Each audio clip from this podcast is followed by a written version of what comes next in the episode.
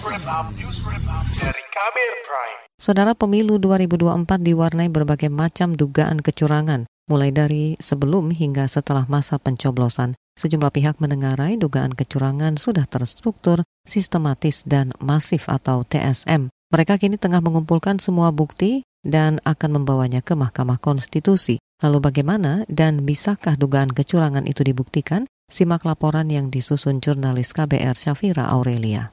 Tim Pemenangan Nasional atau TPN Ganjar Mahfud membentuk Tim Pembela Demokrasi dan Keadilan atau TPDK untuk mengusut dugaan kecurangan pada pemilihan presiden atau Pilpres 2024. Sekjen PDIP Hasto Kristianto mengatakan tim dibentuk untuk mendalami kecurangan pemilu terstruktur, sistematis, dan masif atau TSM.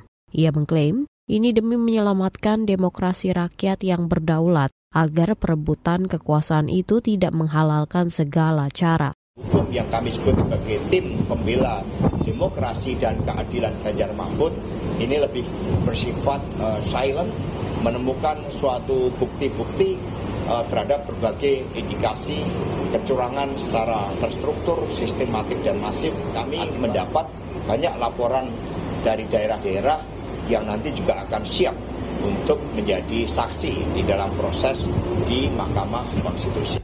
Hasto yakin kubu 01 Anies Baswedan Muhaimin Iskandar atau Caimin mempunyai semangat yang sama untuk melawan kecurangan. Komunikasi kedua pihak juga telah berjalan. Ketua Tim Hukum Nasional Timnas Amin Muhaimin Ari Yusuf siap mengajukan bukti kecurangan pemilu 2024 ke Mahkamah Konstitusi MK. Dari hasil temuan, dugaan kecurangan marak terjadi sebelum hari pemungutan suara. Satu hari sebelum pencoblosan kami sudah menerima laporan-laporan, kami bersiaga 24 jam di posko. Sampai saat ini pun kawan-kawan di tim hukum Amin Nasional masih menerima semua laporan-laporan tersebut. Kami juga memiliki tim hukum nasional di daerah di 34 provinsi, semuanya sampai sekarang masih menerima banyak sekali laporan-laporan tersebut. Lalu yang kedua, tentang suara-suara yang sudah tercoblos di 02 itu banyak sekali. Mungkin kami lagi kumpulkan. Lalu yang ketiga, pengarahan aparat desa melalui asosiasi kepala desa. Merespons banyaknya tudingan terkait kecurangan pemilu TSM, Ketua Badan Pengawas Pemilu atau Bawaslu Rahmat Bagja mengaku belum dapat memutuskan apakah tergolong TSM atau tidak. Namun ia berjanji seluruh perkara kecurangan yang masuk akan segera ditangani dengan cepat dan juga sesuai dengan peraturan ada kriteria terhadap TSM, pelanggaran administrasi TSM terstruktur, sistematis dan masif dan itu harus terpenuhi 50% karena datanya belum cukup maka e, hal itu juga belum bisa kami jawab. Ketua Bawaslu RI Rahmat Bagja menjelaskan, semua laporan yang diterima akan ditindaklanjuti dengan cara melihat pada dua aspek, yakni secara formil dan material yang lengkap untuk segera diusut.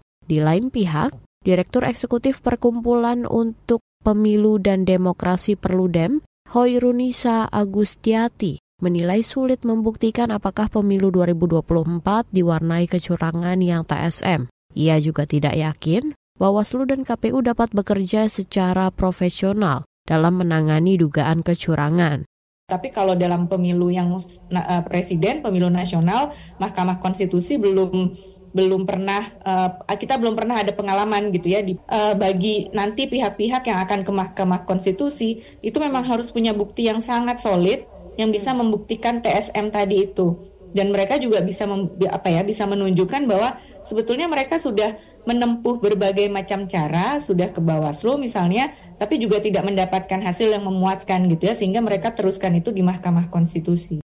Pada Pilpres 2019, dugaan kecurangan TSM sempat diajukan oleh kubu Prabowo Subianto Sandiaga Uno usai kalah suara dari pasangan Joko Widodo Ma'ruf Amin. Namun, laporan itu dimentahkan oleh Bawaslu.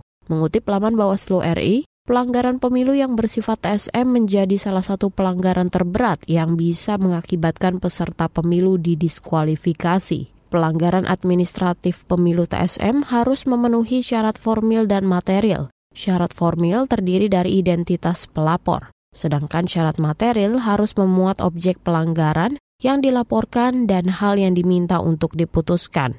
Objek pelanggaran yang dilaporkan terdiri dari waktu peristiwa, tempat peristiwa, saksi, bukti lain, dan riwayat uraian peristiwa. Demikian laporan khas KBR yang disusun Safira Aurelia. Saya Astri Septiani. Kamu baru saja mendengarkan news wrap up dari KBR Prime. Dengarkan terus kbrprime.id, podcast for curious mind.